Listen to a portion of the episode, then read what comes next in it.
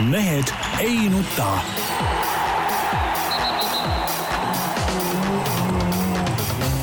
mehed ei nuta. selle eest, et mehed ei nutaks, kannab hoolt Unibet, mängijatelt mängijatele. tere teisipäeva, kell on teatavasti üksteist ja mehed ei nuta kenasti siia Delfi suurepärasesse stuudiosse kogunenud mis sa puterdad jälle? Tarmo Paju tervist!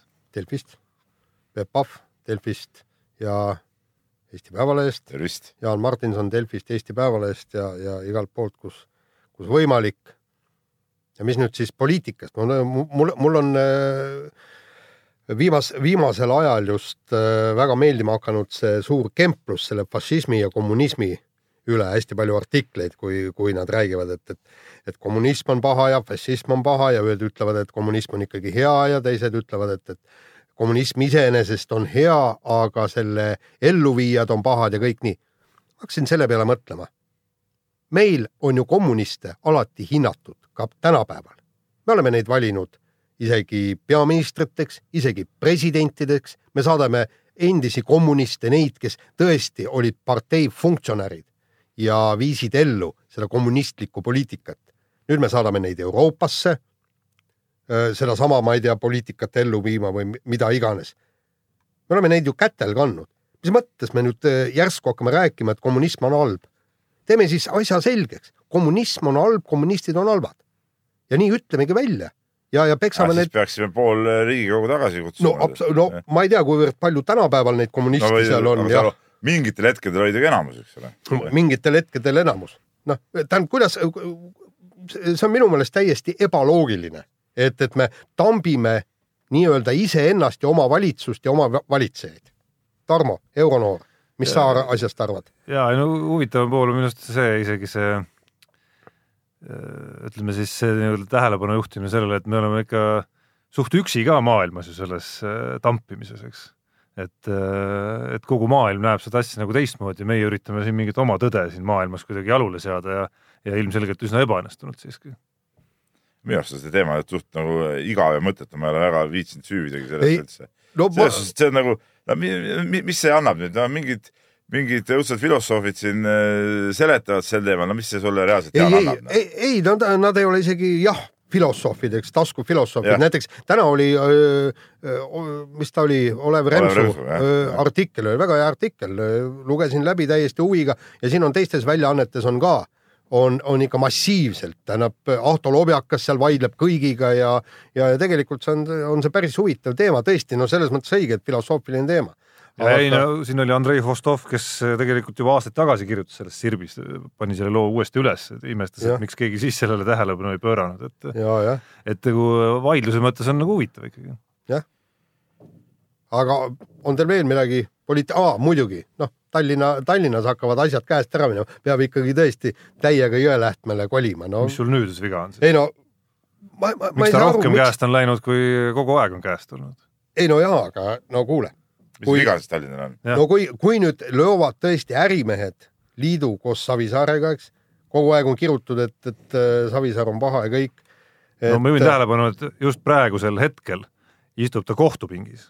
ja äh, täpselt. aga ei ja. ole süüdi mõistetud ju. ei ole. noh, mis on siis süüdi või? ei, ei, ma lihtsalt ütlesin, et ta, ma lihtsalt ütlesin, ta istub kohtupingis. kohtupingis istud igasuguseid inimesi, mis siis? Suur osa nendest ka süüdi mõistetud. on ka neid, keda ei ole.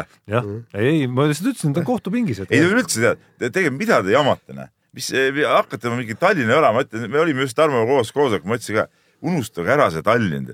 ma ei ole mitte midagi kuulnud sellest, eh, mis probleemid on näiteks Võrus, eh, mis probleemid on eh, kuskil seal, ma ei tea, Paides räägime nendest asjadest, mis me, mis me selle Tallinnaga. aga kuidas need Võru probleemid sind nii väga mõjutavad?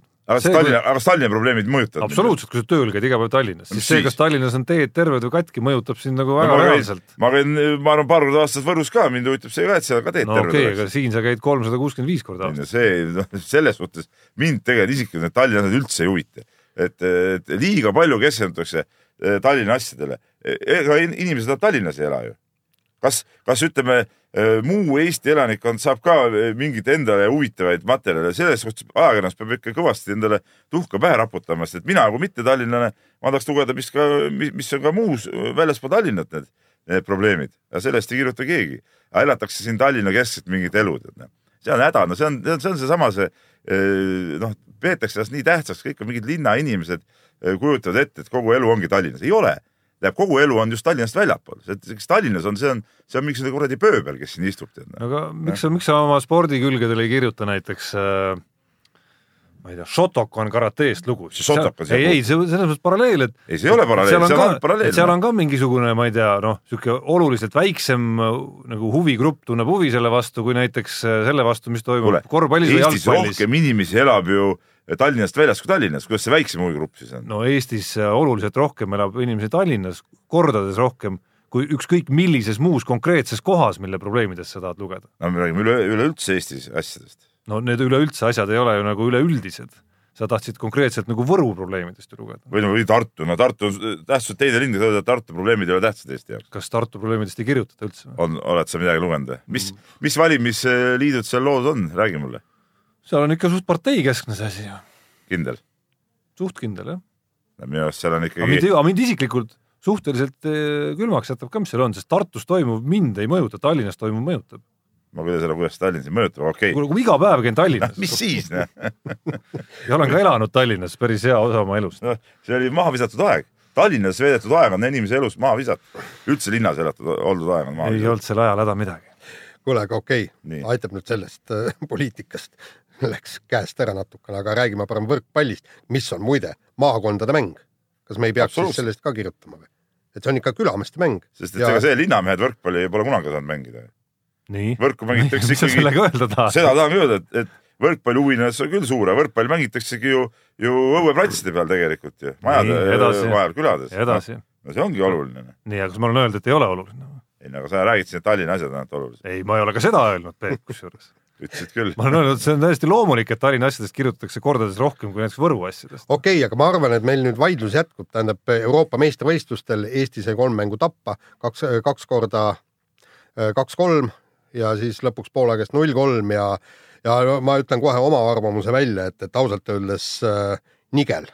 et ma äh, oma mõttes hakkasin juba pähe panema, et, et sellele põlvkonnale, kes praegu mängib, tänase seisuga tuleks äh, panna pealkirjaks kaks-kolm põlvkond, ehk siis nad on kõik olulised mängud kaks-kolm tappa saanud nad ei ole kolm-kaks võite võtnud ja kui nad räägivad, et neil ei ole mingisugust kogemust, siis tuletame meelde seda eelmist põlvkonda, kes esimest korda EM-finaalturniirile sai, kes null-kaks oli sellesama Poola vastu siin kodus taga ja kes võitis kolm-kaks. Neil ei olnud üldse mingit kogemust all ju, sisuliselt. no see kogemuse jutt jah, tundus mulle ka natuke kummaline eile, eile seal mängujärgses intervjuudes, et noh, tegelikult äh, nii palju, kui Eesti on saanud mängida äh, tippsarju, on ta siin nüüd see aasta maailmaliiga, eks ole, eelmine aasta äh, Euroopa liiga, lisaks äh, MM-valiksarjad, EM-valiksarjad, kõik tugevate võistkondade vastu, no siin nagu mingit kogemuse puudusest või, või sellest, et me oleme kuskil nagu nüüd mingil teel veel kuhugi, seda ei saa rääkida, mina arvan seda, et Eesti võrkpall ongi oma selle taseme praeguse hetkel, mis nende meestega kunagi saavutada, ongi saavutanud, ega siit kuhugi edasi minna enam ei ole, et võrreldes näiteks eelmise EM-iga me praegu astusime tead isegi sammu tagasi, et, et meie tase ongi seal heal päeval saame alagrupist kolmandana edasi. kui väga hästi ei lähe, jääme alagrupis äh, neljandaks ja nii ongi, et, et siin nagu midagi, midagi imestada ei ole ja, ja, ja selles suhtes ütleme noh, ma ei saa öelda, et, et EM oli täiesti ebaõnnestunud, aga, aga mängiti omal tavalisel tasemel ja, ja, ja, ja ega midagi rohkemat tahta ei olnud ka tegelikult. tead, Peep, punkt üks, ma arvan, et oma taset täiesti välja ei mängitud, see on, see on esimene ja teine on keda see, sa võitmaks pidanud siis? ei, sedasama Serbiat ja Soomet, kui on seis No kaks-kaks see ei ole ju meie tase ja võita Soomet ja Serbiat. kuule, vaadake neid viiendaid game'e. ma saan aru, et, et tähendab, saad aru, seis on kaks-kaks, me oleme mänginud võrdselt, eks ju. ja nüüd tuleb viies game ja me saame need viiendad game'id no täiesti ja, tappa. Jaan, aga see ongi Eesti võrkpalli tase, et Nii, kui oota. seis on kaks-kaks või ollakse kaks-üks ees, siis Serbia-sugused võistkonnad, ka isegi Soome, eks ole, rääkimata siin Poolad ja need, eh, suudavad panna veel eh, vinti juurde, mängida need enesekindlalt ära, aga eestlased olid juba oma taseme sellega saavutanud Kuule- ja neil ei olegi sealt sammu edasi minna kuule- ja, kuule- ja nende asi ongi kaotada. kuule, Soome on mänginud nii Serbiaga kui ka Poolaga palju kehvemini, kui mängis Eesti. Mis näitab, et tegelikult me peaksime olema Soomega vähemalt võrdsed ja see on teine asi, kuulake Andrei Ojametsa ei no kommentaare. Soome mäng oli, ma ütlen, sa see ma nõus, et see oli sa natuke ise, lati alt Jaan, sa ise kirjutasid koos Märdiga kahasse loo Eesti ja Soome võrkpalli võrdlusest just, ja, ja ise tõid väga hästi välja, mille poolest Soome meist tegelikult ees on. et jah, tulemuste mõttes Eesti tegi justkui nagu tagasisammu, ei saanud alagrupist edasi. mängu mõttes mina ei ütleks, et ta tegi tagasisammu, sest alagrupp oli lihtsalt noh, oluliselt tugevam lihtsalt, mis no Eestil vaatame, oli, kuhu need kolm võistkonda jõuavad lõpuks. oli sellel korral vastas. seda me enne ei saa nagu ütelda, kui EM läbi on. ja, ja, ja öelda, et, et see nagu nigel oli see hinnang kogu, mina, mina küll sellega nõus absoluutselt ei ole. et ma ütlen aga ausalt, mida need ilusad kaotused, kaua me naudime neid ilusaid kaotusi? aga ma ei näinud, et keegi naudiks neid, ma nautisin seda, kui ma räägin no ma arvan, isiklikult et, sina nautisid. ma nautisin seda protsessi ja seda elamust, mille võrkpallikoondis nendes kolmes mängus andis. Täiesti kindlasti nautisin Vaat-, vaatasin seda mängu televiisorist ja olin üllatunud, et Eesti koondis suudab nii hästi nendega mängida. Eh, Tarmo, vaata, ma usaldan siinkohal eksperte, eks, ja, ja, ja tõesti, Andrei Ojamets oli ääretult hea telekommentaator. oli, nii, ja teda kuulates ta, ta ju näitas ära Eesti vead ja probleemid ja need ei olnud eh, tasemevahe probleemid. Need ei olnud tasemevahe probleemid. eile Poolaga mängus, kui sa vaatasid, kui palju meie omad olid, kui ta pööras tähelepanu, et me jätame võrgu ja käte vahele plokki minnes nii meeletu ruumi, see ei ole tasemevahe. no ole mis? see vahe, see ongi kõik, kõikides sellistes Sama nüanssides tulebki vahe, seesama servi teema näiteks, eks ole, et öö, osad meie mehed ikkagi A lõid suht ikkagi väga nõrka servi, eksisid ka selle käigus palju ja lõid sellist servi ka veel noh, mida tegelikult sellel tasemel ei ole mõtet lüüa üldse, sest see lüüakse sulle esimese tempoga lihtsalt maha niimoodi, et pall on veel põranda sees kinni ka. et see ongi ju, tase koosnebki ju nendest väikestest nii detailidest. teine, teine asi on ju see, et, et me, meie mängijad ju oskavad iseenesest servi lüüa, muidu nad ei mängiks Poola liigas, nad ei mängiks Itaalia liigas, nad ei mängiks Prantsusmaa liigas, nad oskavad lüüa. kas sa arvad, et Aganis klubi ees servib teistmoodi või? no ma olen, ma olen miskipärast Robert Tähte näinud märksa paremini servimas, kui ta näiteks eilses mängus Poola vastu. aga see olenebki see, et mis leveli sa mängid, et eks ju see, see serv ja see kõik ju muutub kehvemaks ka võib-olla, kui sa nii kõrgel tasemel pole, et sul sihuke vastane, seal on mingi närvifaktor, seal on vot, kõik see mängustress, aga see, Jaan, see kõik kokku annabki taseme, noh. et mis. Ojametsa veel puudutab, siis noh, et mõistame ka seda, et vastase vigu ta ei analüüsinudki sellise pilguga, ta ei otsinudki neid. Nad tegid samamoodi, jätsid ruumi seal ploki ja võrgu vahele ta. väga selgelt rääkis ära need otsustajatel palju, kui oli. Kui rasked pallid läksid vastased, Just. läksid lööma, meie omad läksid mingit pehmot panema Just. ja nii oligi, noh. ja see ongi see vahe, nii, aga, aga et selleks, vabandust korra et selleks, et minu arust siit nagu päris nagu hüpet Eesti peaks tegema, selleks peabki see mängijate tase veel tõusma, kuhu peab, juurde nende kerkima. mängijatega me enam ei hüppa kuhugi. Noh. ma, mina mingil arvan, et suudame kaob ära ma Gert Toobal on juba nii vana mees, müts maha, et mees on nii kaua nii kõrget levelit hoidnud. no siin ju mingit arengust enam tema puhul rääkida ei saa. hea, kui ta ühe tsükli veel kaasa teeb, kui sedagi, eks ole no no.. mulle tundub, et ta kavatseb teha. Võtame siis- sided ikkagi võtame kestavad kaua. Ardo Kreek ikkagi ka juba kogenud mängija, no seal ju enam mingit kvalitatiivset hüpet enam ei tule. Oliver Venno, no seal ei tule enam mingit hüpet tegelikult. nüüd on tarvis selleks, et saada hüpet, on No no, tarvis, et alt tuleksid uued ja veel kõvemad vennad peale, aga ma ei tea, kas meil on neid no tulemas. hüppe on teinud Täht kindlasti ja hüpet Ei no on tegemas Teppan. No nemad, need on noored mehed alles. Sealt pealt saab tulla. Kuule, Venno kohta ma tahan öelda seda, et, et ta peab suutma õigel hetkel olla tavapärases vormis. Ta peab suutma olla, aga ta oli, ütleme, hooaja kõige tähtsamatel mängudel ehk seal MM-i. MM valiksarjas, seal ta oli väga hea. seal oli vä väga hea, aga oleks ta siin ka olnud, oleks oleks hoopis teine mäng olnud, eks ju. ja teine asi on muidugi ka see, et me peame, kui me tõesti analüüsime kogu seda mängu nagu väga põhjalikult, siis tegelikult läheb treeneri kapsaaeda ka väga palju. sellepärast Soomega mängus oli selge see, et, et Oliver Venno võeti välja liiga hilja. Teppan oleks tulnud sisse panna juba esimeses game'is. jah, noh, see Soome mängu Võimalik. kõige õnnetum viga oli minu arust ikkagi see neljanda game'i lõpp seal, millega, millest no, mängijad ise ka rääkisid päris palju. just, ja, ja see ei ole kuigi ta ju võttis taseme ka ühe time-out'i seal selle käigus nii et ja see ei kas ole taseme kapsale vahe, läks.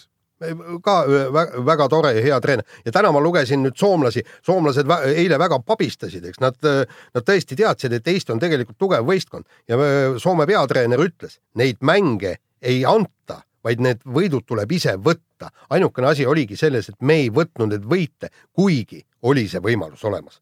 meil oli kaks, kaks mängu võimalus ära võita, me ei võitnud. Äh, üks asi, mida ma kindlasti tahaks öelda ikkagi nagu veel positiivse poole pealt, mis, mis mõte tabas mind eile, kui ma neid intervjuusid jälgisid seal, et äh, no sul käis ka läbi siin vahepeal jutust, et justkui kõik nagu naudiks ja peaks seda suurepäraseks, et ma ei, ma ei ütle, et tulemus ei olnud suurepärane, aga minu arust mängis koondis paremini, kui ma arvasin, et nad mängivad nende tugevate vastu just äh,. aga mis nendesse intervjuudesse puutub, eriti Rene Teppani oma, et kui sa nüüd võrdled võrkpallikoondist, seda taset, kus ollakse, võrdled näiteks jalgpalli või korvpallikoondisega, siis äh, see koht, mis mulle kõrvu jäi, oli see nii-öelda äh, see kibelus ja see, et okei okay,, me läheme nüüd klubide juurde, aga tegelikult tahaks kohe nagu ikkagi nagu uuesti proovida, et nagu äh, läheb aasta mööda ja siis, siis me nagu teeme selle järgmise sammu ära. ma ei, kas, kas mõnel muul pallimängualal meil sellist asja on pärast tsüklit, kas, kas kuskil on mingi samasugune nagu kibelus, et äh, nüüd on see võimalus, nüüd tahaks kah uuesti, tahaks, et nüüd lõpuks me saame selle kätte, et noh, jalgpallis, korvpallis sellist asja küll ei ole, et pigem on see, et noh, jalgpallis ei olegi nagu seda lootust nii kaugele pääseda ikkagi kui siis kuskil tsükli algul on, on see tunne, mille puhul on ka rohkem selline üleüldine meelestatus, et noh, loodame, et meil see, need võimalused väga kiiresti ära ei kao selles tsüklis, on ju. ja, ja korvpallis natukene oleme ka sellises seisus, et tuleks juba kuskilt need uh, uued noored, kes uh, siis nii-öelda päästaks. jaa, see vahe ongi selles, et uh, need, kelle intervjuusid sa esile tõid, need on isegi need noored mehed, kes nagu aga Gert Tooval tegelikult no? on sellise olekuga, et ma ikka tahaks no, nii kaua veel panna, kuni ikka nagu me teeme selle ära no.. isegi kolmekümne kaheksa. ja, ja kusjuures ma, ma sügavalt loodan, et kui me mängime oma taseme välja natuke üle, vaata see Poola vigadest. Poola, Poola mänguvead ei puutu asjasse, sellepärast et nemad võivad endale lubada vigade tegemist. meie ei suuda, meie ei saa endal seda lubada. ja ma arvan, et, et kui me tõesti noh, mängime need viiendad game'id järgmisel EM-il korralikult välja siis me jõua, võime jõuda ka edasi veerandfinaali ja ka seal võita, sest me oleme ka veerandfinaalis olnud Serbiaga ju viimases game'is. aga seal need asjad kõik lähevad nagu alati, sa Jaan ju tead, me oleme sellest no, nii palju rääkinud. just, nii, aga lähme nüüd siis kiirvahemängu juurde ja meie kuulus kultuuriminister Indrek Saar tunnistas üles ausalt, aus mees, et Paavo Järvi kontserdil äh, vaatas vaikselt võrkpalliseisu äh, Delfi võrkpalliblogist no väga halb. väga inetu tegelikult. väga inetu kontserdil äh, telefonis samal ajal surfata, et selle, kui tahtsid võrku vaadata, siis vaata võrku, mis sa sinna kontserdile lähed. vot, vot ma tahtsingi öelda, mine väga vaata lihtne. võrku, pane see Järvi kontsert endal klappidega kõrva ja sa saad mõlemad elamused, sa saad nii kontserti kuulata kui ka võrkpalli jälgida. et selles mõttes see on natuke arusaamatu jah. jah, käivad tõsised mängud ja me lähme kontserdile. ei, nii ei ole ilus ikka. ei no, no no kas sa, kas sa kujutad ette, et, et.... mu kõrval kontserdil keegi hakkab telefoni näppima, vaataks see, küll see... nagu natuke pahura pilguga. ei no küsimus on see, sa ei lähe ju niisuguste mängude ajal kontserdile, kui sa oled fänn. ei no teistpidi ka noh, austame Paavo Järvit ka siiski. no Paavo Järvi kontserte on äh, otti too, aga võrkpalli EM-i on niivõrd harva, et oleks tegelikult pidanud võrkpallile minema. nii, aga vahetame teemat, ultratriatleet Rait Ratassepp tegi siis läbi kümnekordse järjestikuse triatloni, mis äh, teeme selle kohe selgeks, ei ole normaalne ettevõtmine ja pärast seda nägi veel unes, et peab rattaga tagurpidi koju tagasi sõitma. jah, siis isegi hästi läks, et äh, nii süütud õudusunenägu nägi. täpselt, et äh, minu arust see on nagu üldse kogu see üritus on nagu ebareaalne ja kas selliseid võistlusi, ma ei tea, kas üldse peabki korraldama, et see nagu, see nagu, nagu mõistusevastane natuke juba noh ei no jaa, aga no kui inimene tahab ja suudab kõike seda teha ja seal olid vanad taadid panid ka seal mingid viiekümne aastased ja mingid naisterahvad panid väga võimsalt ja, ja kui, kui inimene tahab ennast nii, nii, niivõrd kurna, kurnata ja tahab neid inimvõimete piire kompida, siis miks mitte, aga samas ma selle unenäo kohta ütlen, et tavaliselt ikkagi noh, mõnikord äh, unenäod äh, ennustavad pigem tulevikku.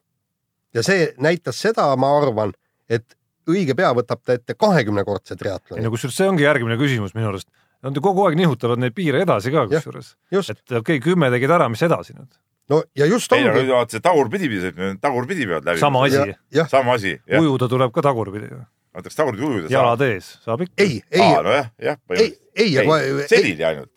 jah, ei, tähendab. ja jooksed, jooksed selg ees, rattaga tagurpidi ei, ei, isegi selge ees ei ole vaja. ma arvan, et tagurpidi võiks olla niimoodi, et, et lõpetad jooksudistantsi ja siis tagurpidi triatloni, siis, siis jooksed, sõidad rattaga ja viimasena ujud.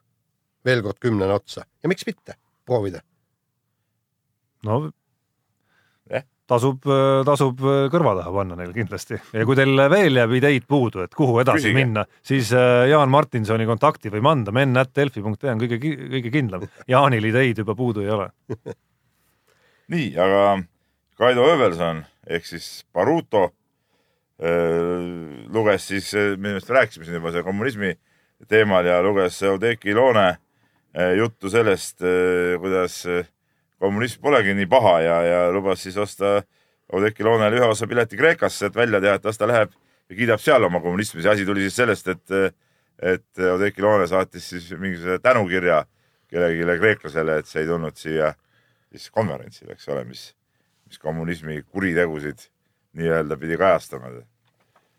noh no,, mis oskame öelda. ega need kreeklased, olgem nüüd ausad, ise ka päris normaalsed ei ole nagu tegelikult. no ega nad ongi, nad elavadki ju kommunismis. Nad elavadki kommunismis, nad ju, nad ju minu ja sinu, Tarmo, raha eest öö, öö, elavadki põhimõtteliselt ju noh, selle meie abi, mis on Euroopa Liit andnud, noh, see ongi vaata see saatan. annab veel kusjuures. ja annab veel, noh. ei, aga see oli hea investeering ju, mina mäletan, Andrus Ansip ütles ja Jürgen Ligi ütlesid ka, et et me saame ju protsentidega tagasi. tegelikult peakski nüüd helistama, kui me praegu lõpetame saate ära. see oli investeering eh,. helistame Ansipile ja Ligile, küsime, kas hakkame nüüd protsenti nagu tagasi ka saama. et ma nagu ei näe enda pangaarvel veel sellest nagu mingit nagu kasu no,. või, või ma ei tea, või Tarmo, Tarmo on euronoor, talle võib-olla tulnud. äkki mulle tiksub, ma ei ole. meile ei tule nagu. ma ei ole tähele pannud, aga. euroskeptikud, siis meile ei tule nagu midagi võib-olla Jaaniga. aga Oudekki Loone võiks Kreekasse minna küll, ma arvan. siiski ei no kuule, olgu ikkagi siin, tehku siin show'd.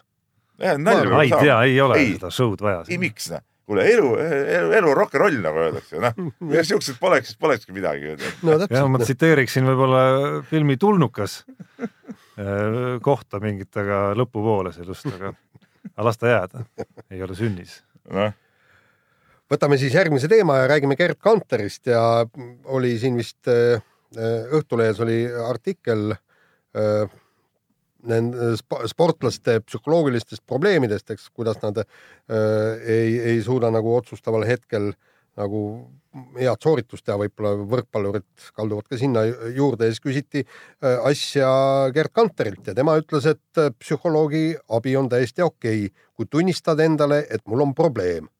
ja vot siin on nüüd mul kohe küsimus, et kas Peep oponeerib või no Peep, Peep teab ju olümpiavõitjast ikka paremini asju. tean, ei muidugi tean, selles suhtes, et noh, ega Kanter, ma arvan ka, ta lihtsalt tahtis olla nagu viisakas ja, ja öelda, et, et kõik on okei okay.. tead, ma olen ise käinud siiski ka spordipsühholoogia kursusel, ei saa eitada, ütleme siin treeneri töö eh, raames, et, et see on siuke huvitav värk, noh, ega tast nüüd, eh, ega pikas jooksus mingit suurt tolku muidugi ei ole, noh, korraks seal kuulad küll on huvitav ja, ja mõtled nii ja naa ja aga no mis siis päris elus need asjad ju nagu tegelikult ju meelde ei jää ja ikka ise peab olema enda psühholoog, noh ise pead ikka enda selgeks, ma olen kõva vend, tead, noh ja ongi kõik, tead, no mis siin ikka. no aga psühholoog vist äh, seda aitabki põhiliselt teha, et see uskumine sul tekiks. ei no mis tekib, see enda seest peab tulema see uskumine, tead, noh no, no ma ei tea, rida sportlasi on, kes on äh, see, abi saanud ja tänu see, sellele võitnud. aga siukest ka, kes pole mingit abi saanud, noh. rääkisin Tanel Laanmäega näiteks, meie odamehega seal MM-i järgsel ähm,, see Miksoonis, eks ole, peale seda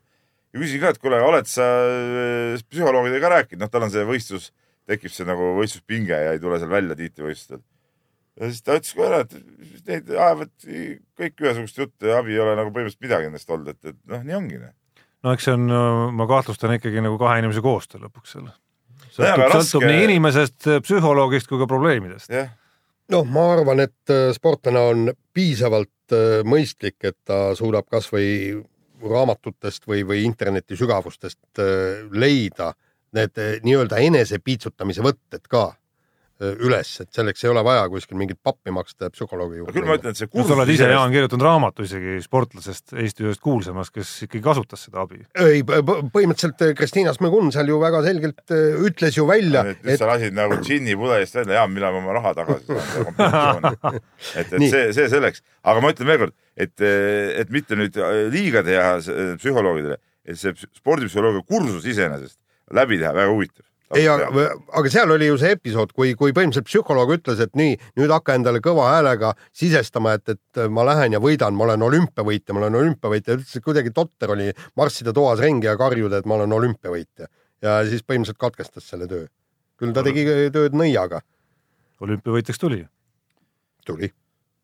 nii, nii, aga kiire vahemängu lõpetuseks äh, on Saksamaa teadlased selgeks teinud, et kaunis jalgpallur saab suurema tõenäosusega priskemat palka. See on see kuulus teadlaste rühm, kes siis tegeleb alati siukeste kummaliste asjade uurimisega. et noh, Peep, sa oleksid vist siis Vaata- Vaata, miljonär, kui ei sa no jalgpalli mängid. vaata siin žurnalistikas ka, vot seepärast Jaan ongi, vaata kui kole ta on, ta kannab neid vanu T-särke, no tal palk on nii väike, noh talle keegi ei maksa midagi, no mis siuksele, siuksele mehele maksad midagi, ei ole mõtet.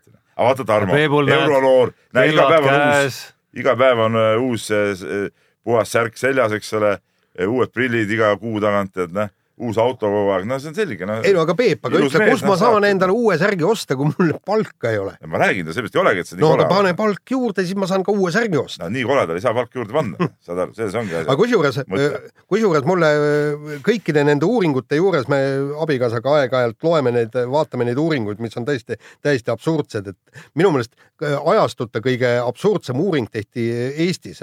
Minu meelest oli see Tallinna Ülikool, ma võin ka eksida ja kusjuures uuringu tulemusena selgus, et need lapsed, kes elavad raamatute keskel ehk siis kelle kodu on raamatuid täis, loevad rohkem kui need lapsed, kelle äh, kodus ei ole ühtegi raamatut. no see on ju väga tõsine uuring ja järeldus on ka suhteliselt loogiline. ja nojah, seda me usume. No jaa, teadlased aga tegid head tööd, ütleme, jõudsid õigele järeldusele. ikka on hea, kui sellised asjad on vaata nagu teaduslikult ikkagi Jaa, nagu tõestatud. ära tõestatud, muidu sa mõtled, et võiks nii olla, onju, aga siis on nagu asi kindel. et noh, sul samamoodi noh, kui mõtled, et miks palka juurde ei saa, siis nüüd tead, nüüd tean. tuleb hakata sellest kõhust lahti saada kõigepealt ja nii edasi. ei noh, kõht ikkagi kaunistab meest. vaata, Peep. jah. nii, aga läheme nüüd kirjade rubriigiga edasi ja kirju nagu alati on siin palju, võite mitme, mitme lehe peal ja hakkame kohe Marko kirjaga pihta ja küsimus on äh, lihtne, nagu ta ise ütleb. kas Ott Tänaks peaks, peaks saama riigilt stipendiumit või toetust? igakuiselt nagu ka paljud teised sportlased vähemalt poodiumi koha eest. tegemist on ju nagu MK-etapi võiduga. Eestit tutvustab ta kordades rohkem kui see äh, roheline pärakas Eesti märk või mis iganes selle, selle tööriistakasti asi nimi oli.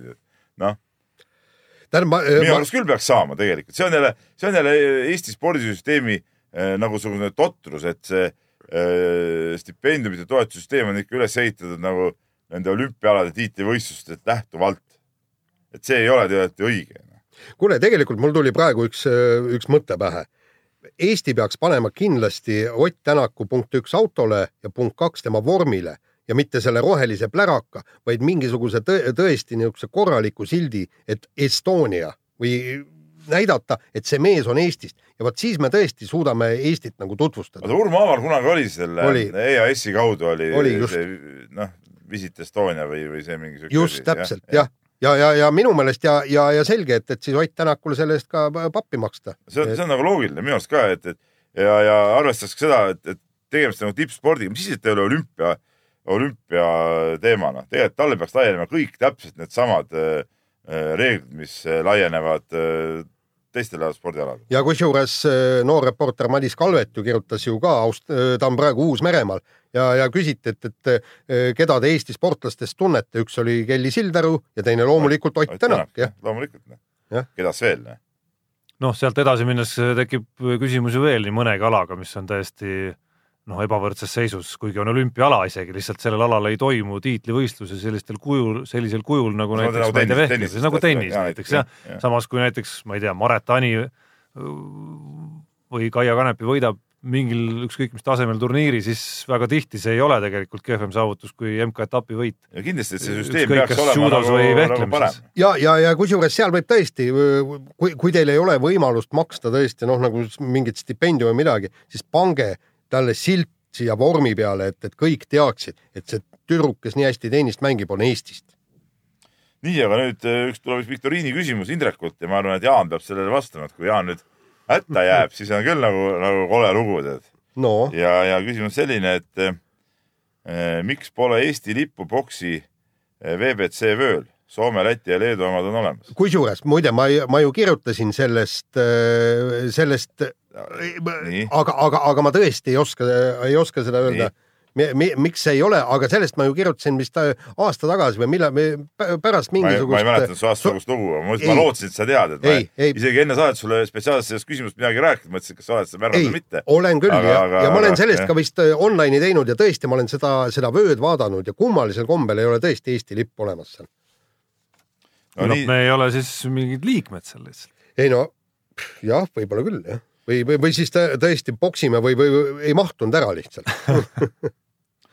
siin Raul Sepper, muusikamees ja laulumees on siin hurjutanud Jaani veel ikka sedasama e-sigareti eest, mis siin taas siin laua ja, ja millegi kusjuures ka legendaarne korvpallikohtunik äh, Ants Seek saatis pärast eelmist saadet äh, selleteemalise sõnumi, et see ikka ei lähe mitte, Jaan.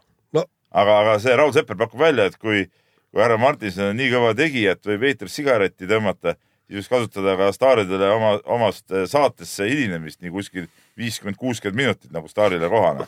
no minu arust võiks ta kasutusele võtta siis ka juba selle sama kõnnaku, mida Conor McGregor tegi, kui ta sellele matšile tuli. ühesõnaga sellest uksest sisse ei mahuks. ei, seda kindlasti mitte, no siin tuleks üldse, ta ei mahuks siia stuudiossegi ära. no ta ei, ma ei tea, kuidas ta siia kontorisse saaks lifti ta ei mahuks igatahes. Nii et Jaan, tegelikult lepime kokku, et, et, et alates sellest korrast me enam seda, seda No. pulka ikkagi siin laua peal ei näe. ei, laua peal võib olla, aga, aga ma tarvitan seda vähem. see on, see on reklaam, et ärge tehke suitsu, tehke e-sigarette, see on kasulikum muideks, ütleme nii, e-sigaret ei ole kasulik, kasulikum. ei ole kasulik. kust sa tead? On sul mingi te- teadusuuring või? jah, kindlasti leian sulle ka, kindlasti sa ei leia. kindlasti leian. ma leian jälle uuringu, kus ütleb, et väga kasulik on. ei no kasulikum kui. et on kasulik või? et Ei. nikotiin on kasulik? no põhim- on olemas asi nagu ravinikotiin.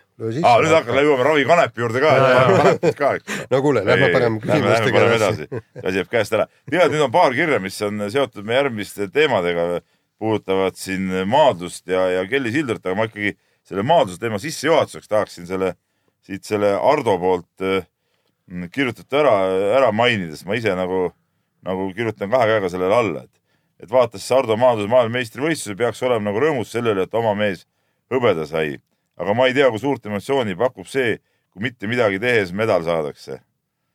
et, et noh, no siit läheb kiri läheb edasi, eks ole, et, et äh, kuidas tuleks maadlust muuta, et siin muuta rahvusvaheliseks pusimisliiduks ja, ja, ja maadlusliit ja nii edasi, et, et äh, noh, tegelikult äh, no tead, see oli, on ju, on ju jama, noh, see ütleme, vaatasid, ma ei tea, kas sa Tarmo vaatasid seda finaalmatši, eks ei no aga see ei ole ka mingi üllatus no,, olümpial oli samamoodi ei, no aga olümpial veel pandi partnerisse ju. aga nüüd ei panda enam partnerisse ka. Ja nüüd see on muutunud täielikuks totruseks ja, ja ma ütlen ka ausalt, et noh, muidugi mul Eiki Nabi Eesti mees, mul hea meel, et noh, sai medali kõik, aga emotsioon, noh no, no, null on isegi, isegi nagu hästi öeldud. no, no see oli lihtsalt nagu tä, täitsa, täitsa tuimaks. Peep, see on lihtsalt puhtalt sellepärast, et sa ei tunne ala nüanssi. ei no kuule, no mi- mis kuradi mõte on sellisel alal, millest mitte keegi aru ei saa nagunii, mis nüansse, noh. mis, mis nüansse, noh. kuule, maadlus oli vanasti nii, alati kõik me koolipoisist peale teame. kaks õlga peavad olema vastu matti, siis oled võitnud, tead noh. kõik tead noh. okei okay,, pandi see partnerid, tehti need trikid, seal oli mingi lootuski, et midagi toimub. aga sedasi ei toimu mitte midagi ju. Mitte midagi ei toimunud ju. kas Eiki Nabi on viimase kümne aasta jooksul mõne võtte üldse teinud kunagi või? no ikka mõne võtte on teinud võtte? ei, ei ta tegelikult on mõne üksiku võtte küll teinud, kümne aasta jooksul üksik võte. ei, ei, mis kümne, ta on. kas sellel MM-il ta tegi mõne ei võtte, või? ei, ei, noh, näed, noh. ei, kuule äkki tegi isegi. no kuule, no see on, saad ise ka aru ja, Ei, et see on, on ju jama ju Peep, tegelikult. Äh, vaata, seal on mingi mitte, kõhuli ei saanud kedagi seal Jaa, vot just, just. ühes esimese Täpselt. ringi matšis või esimeste ringide matšides? keegi kukkus kogemata või? ei no, no ma usun, et selja Eiki taha, Nabi ta ka sobil välja siiski jaa, aga no aga olgem ausad. ei no raskekaalumaadlus, no nii on jah. aga vanasti ei olnud ju. kuidas vanasti oli, Jaan, sa tead vana aja ei no vanasti, üks päev just oli siin eh, meil televiisoris, noh, spordiametis mängib televiisor kogu aeg spordikanalite peal ja, ja oli mingi eh, dokumentaalfilm, seal oli see vana Karelin ja siis see Ameerika vend, kes teda võitis seal lõpuks eh, neljandal olümpial või kolm, kolm korda vist Karelin ise võitis, neljandal ameeriklane või no seal need mehed ikka küll nagu seal ütleme ikkagi nagu maadlesid, mitte ei, ei seisnud nagu ühe koha peal ja, ja, ja ei, ei, ei pusinud lihtsalt. Peep- seal oli ikka mingit tegevust oli. Peep, kuule, ma rääkisin ühe legendaarse maadluskohtunikuga ja ta oli ka väga pettunud selles, et, et maadlus on aegade jooksul muutunud, eks. et noh, tema on ju seda maadlust äh, väga lähedalt näinud ja ta ütleb, et, et vaadake ise seda maadlust. mehed, kuidas varem maadlus käis, mehed läksid, nagu sa ütlesid, et rinnakuti kokku, haarati kinni ja kes keda viskab.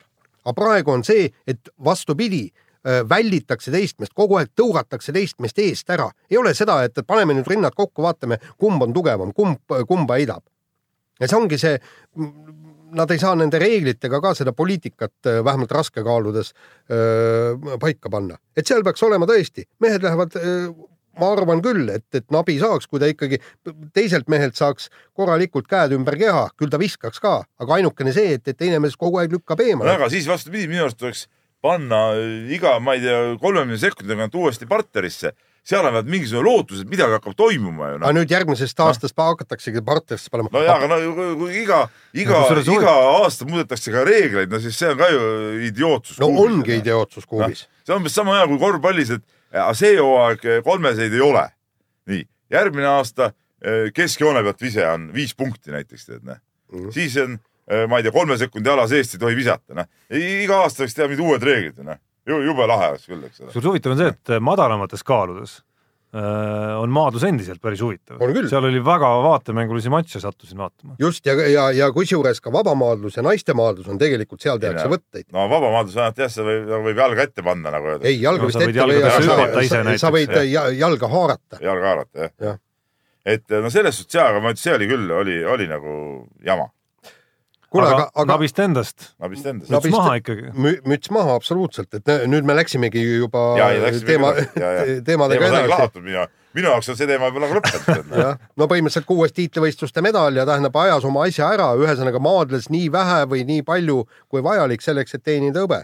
ja, ja noh, kuigi äh, finaal, finaalis äh, türklase vastu, Kailabi vastu, no nagu eksperdid ütlesid, et kaks-üks äh, Nabi kaotusega öeldi, et see oli halastuspunkt ikkagi jälle antud, et ta ei, ta ei suutnud selle suure, suure türklase vastu mitte midagi korda saata, et ta ei, ta ei suutnud teda isegi nügida väga, et, et aga noh, hõbedaks piisas. nii, aga ega meil siis, me, meist siin suuremad analüütikud selle ei, ole. asja peensuste osas ei ole ka, nii et ja, ja võtame siia kohe otsa ka Kelly Sildaru, kes siis äh, Uus-Meremaal üritab äh, olümpiale pääsu ehk siis olümpiapunkte koguda ja pargisõidus muidugi filigraanselt jällegi esikoht, et ma tõesti nüüd äh, peast ei tea, aga see oli kas äkki kahekümne esimene võistlus järjest, mille ta on äh, võitnud, et et, et noh, siin ka ei ole väga pikalt ja palju midagi rääkida.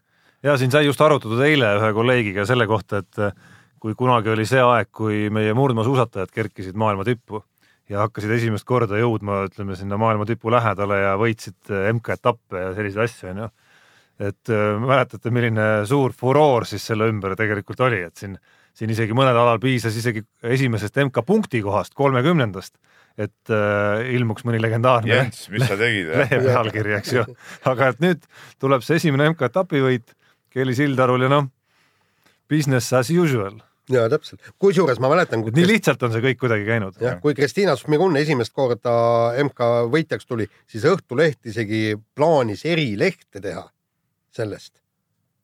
terve erileht. jah, aga siin on kõik on juba kahe aastaga on niisugune tavaliseks muutunud, et aga vaata- ongi maailma parim. isegi ka sellist lugejate sihuke asiotaaž on nagu kõvasti vähenenud nagu. aga, aga et kindlasti oleks, oleks selle asiotaaži huvides see, et sellel alal asjad läheks põnevamaks ikkagi, aga..., et see konkurents läheks tihedamaks. aga ma kardan, et lähebki tihedamaks ja ma ei usu, et, et kõik, kõik konkurendid äh, näitasid äh, hooaja esimesel MK-etapil seda, mida nad No kõik polnud kohal ka. ja kõik ei olnud kohal ka, aga, aga noh, nad ei pannud maksimumi välja ja nagu Sildarude tiim on ise ka ju öelnud, nad ei taha nagu vastastele avaldada, milliseid trikke nad oskavad ja mida nad teevad. et siis ma arvan, et teiselt poolt käib ka väikene mäng. noh, samas ega me ju tema õpitu kohta ei saanud ka mingit pilti veel, sest sisuliselt ikkagi tehti seda, mida seni on kogu aeg tehtud. ja aga samas on nüüd äh, väga huvitav tuleb, et mis saab rennisõidult, vot seal on küll täielik teadmatus, no mitte me,, ma rääkisin eile meie noorreporter Kalvetiga, kes on siis kohapeal ja ma saan aru, et äh, Kelly isa ja treener siis Tõnis Sildaru arvas, et, et äh, seal on niisugune fifty-fifty see kaheksa hulka pääsemine ehk finaali pääsemine, et seal midagi kindlat esialgu vist ei ole.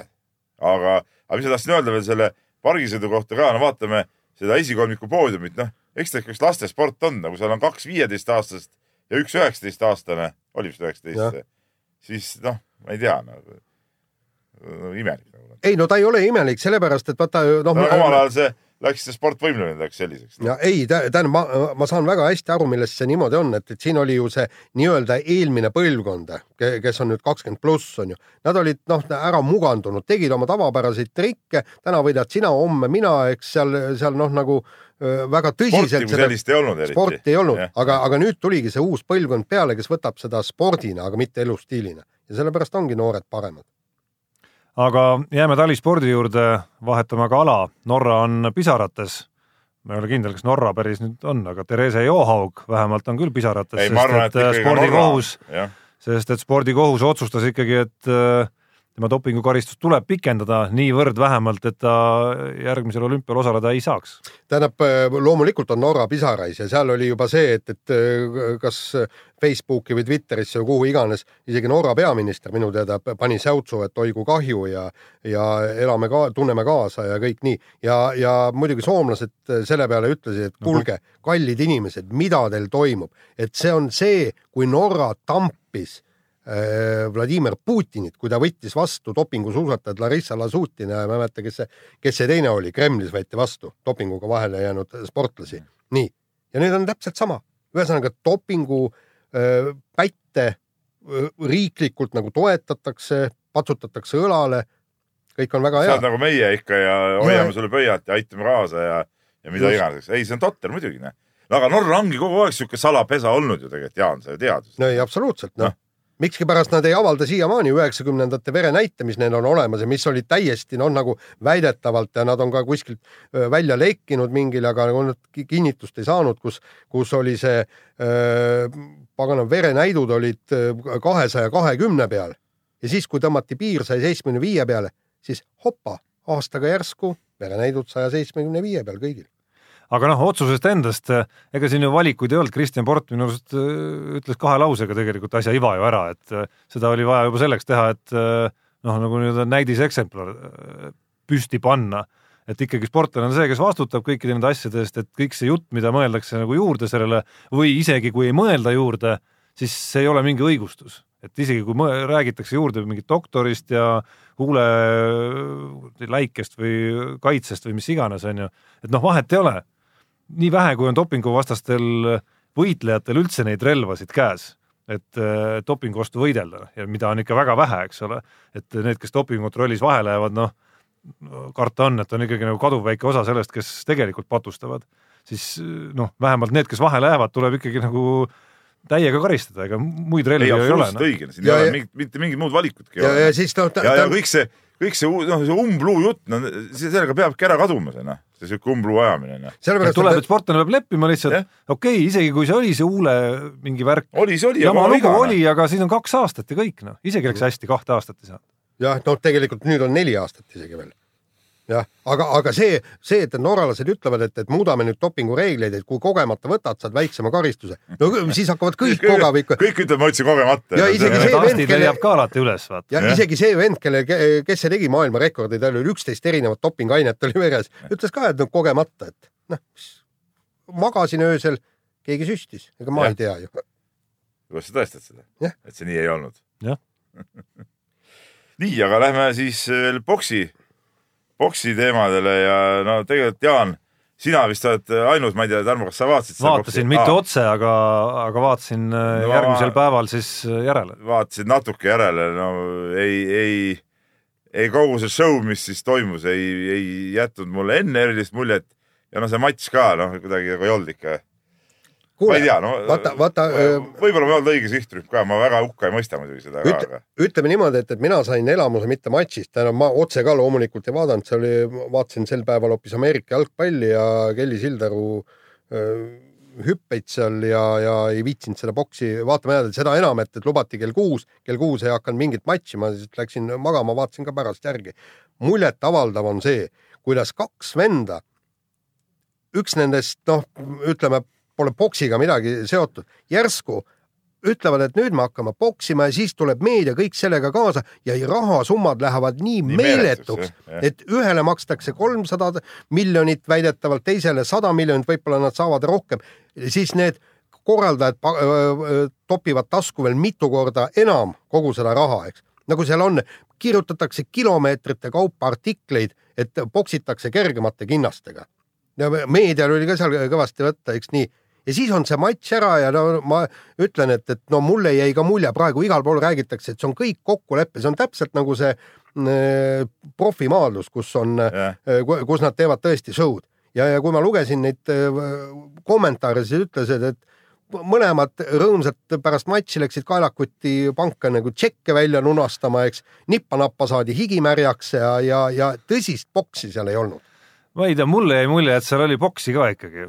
ma ei ole küll boksi ekspert, äh, ma pean tunnistama, aga aga mulle tundus, et seal oli boksi küll, tõsist boksi ja, ja kohati oli seda rohkem minu arust kui nii mõneski nagu päris boksi matšis. mäletad Mayweatheri ja Pacquiao omavahelist äh, ja. matši näiteks ka, mingid suured rahasummad oli ja tõesti nagu justkui ülim sportlik viha oleks pidanud seal mängus veel olema. ja minu arust McGregor tegi nagu rohkem lööke kui Pacquiao selles matšis ja minu meelest on üldse see, see, see raha on spordi ära rikkunud, nagu see keegi, keegi ütle, kes oli see treener, poksitreener, kes ütles, et jumal, saja miljoni eest ma oleks nõus kohe Mike Tysoniga poksima. kahel päeval kahel järjest. päeval järjest. just täpselt oli ka veel jutt jah. aga et..., aga, aga, aga, aga võiks niimoodi, kaotaja null eurot ja võitja, noh, saagu ta see sada miljonit või mis iganes. ja vot siis andku tuld seal oli, ma lugesin eile hommik, täna hommikul või oli see eile õhtul, ma ei mäleta enam, ka ühte äh, reportaaži sellest loost ja siis seal oli üks lõik, kus kirjeldati, ütleme pärast poksimatši kaotaja, pealegi nokaudiga siiski, tehnilise nokaudiga, noh, peaks ju suhteliselt nagu läbi olema ja muserdatud on ju, eriti kui ta on lubanud maad ja taevad kokku enne kõik, mida ta teeb oma vastasega.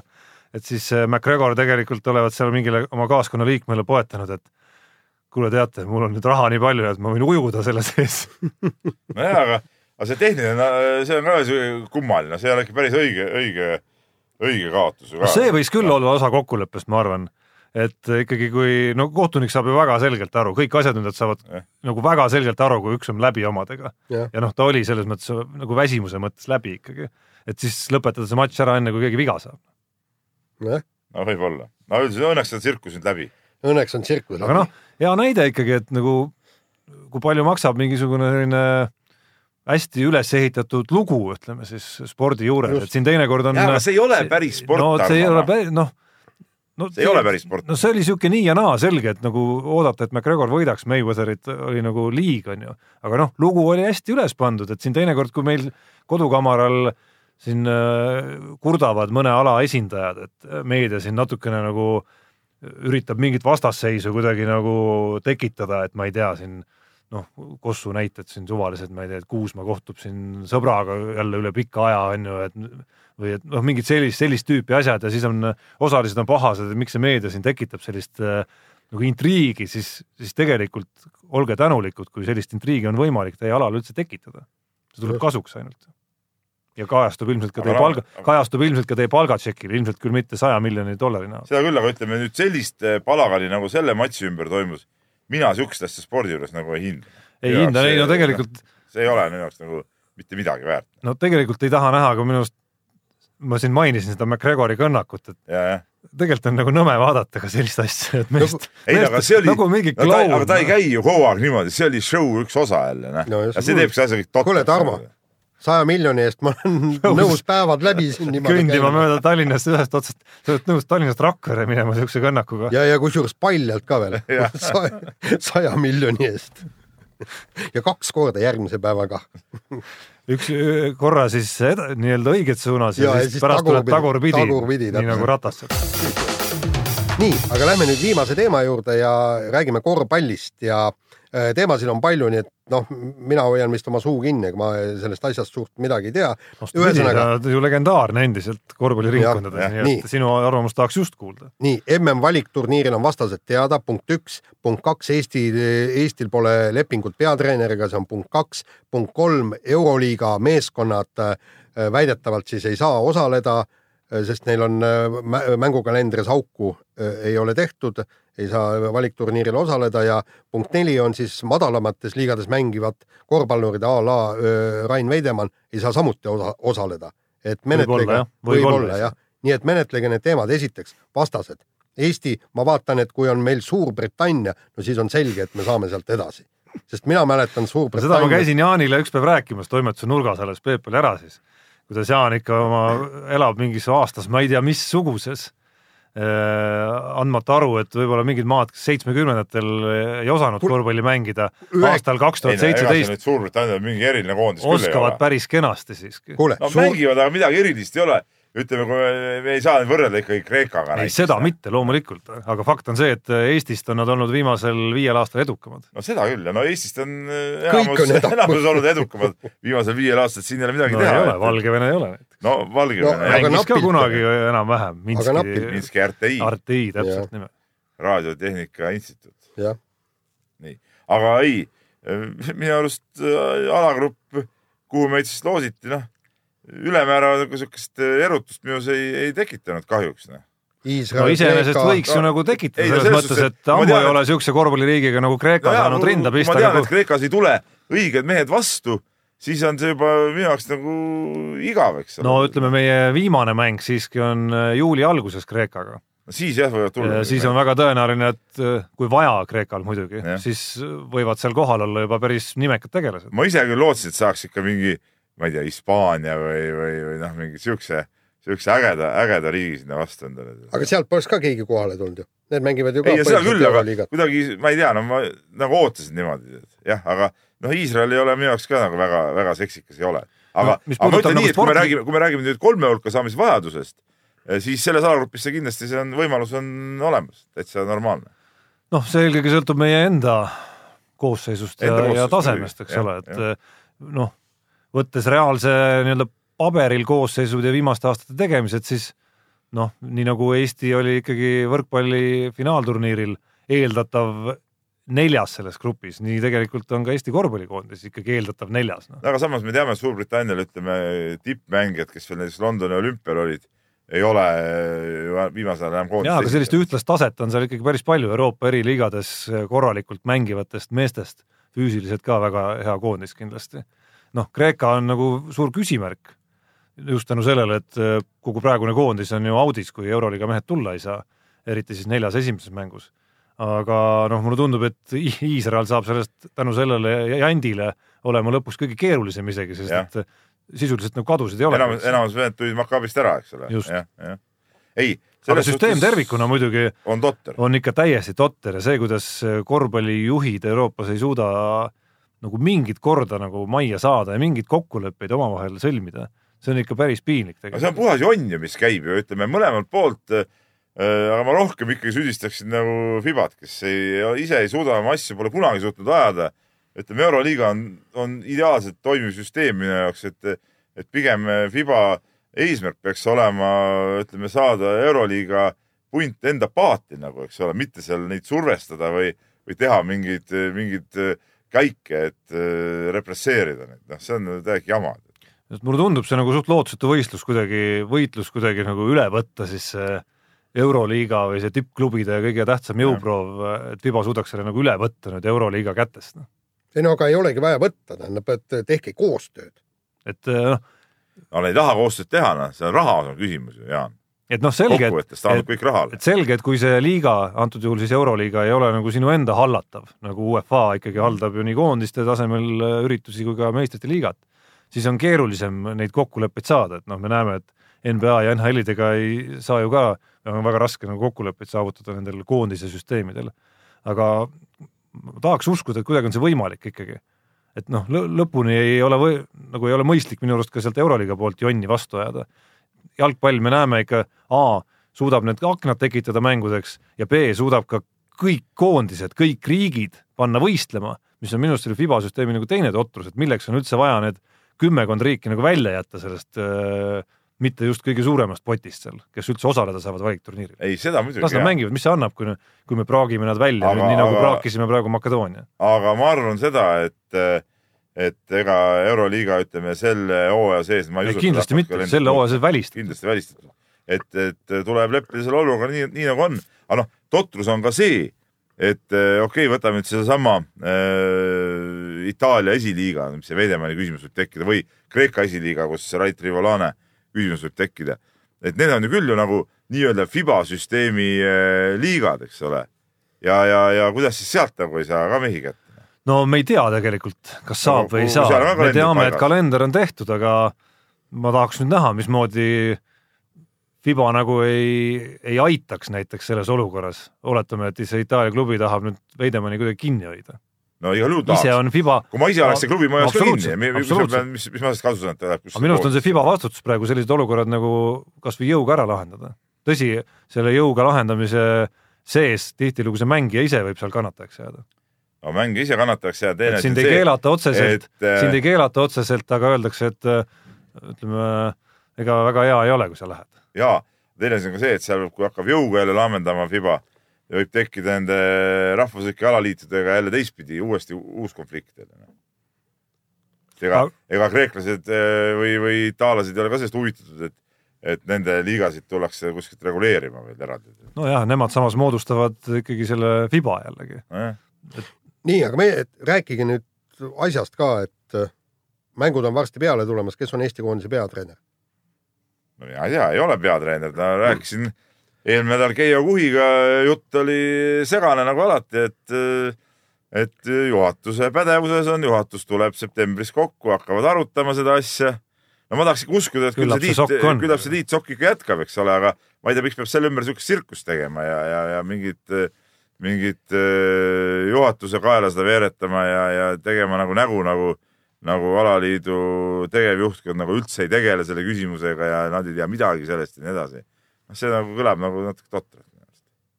imelik jah, et niisugune lõtk tekkis, et kas äh, mõte oli siis see, et kui saame edasi, siis, siis äh, jätkame samamoodi ja kui peame mängima neid mudamänge edasi, et siis teeme mingi suunamuutuse.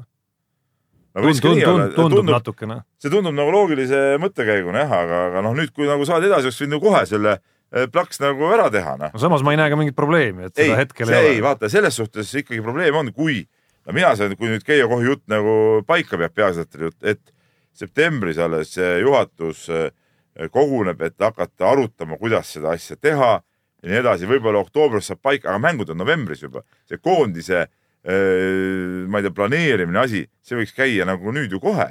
no küllap see tegelikult käib ka. nojah, aga no siin ma küsingi, Tarmo, milleks siukest ega siis septembris ei tule juhatus kokku, ei hakka nagu tühja koha pealt ei, aga milleks seda janti siis vaja on, Tarmo, noh?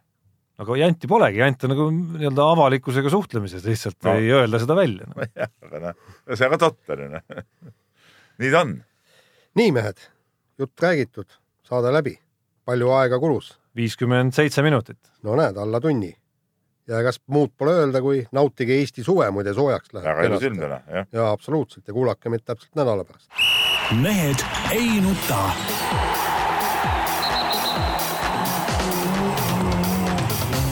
mehed ei nuta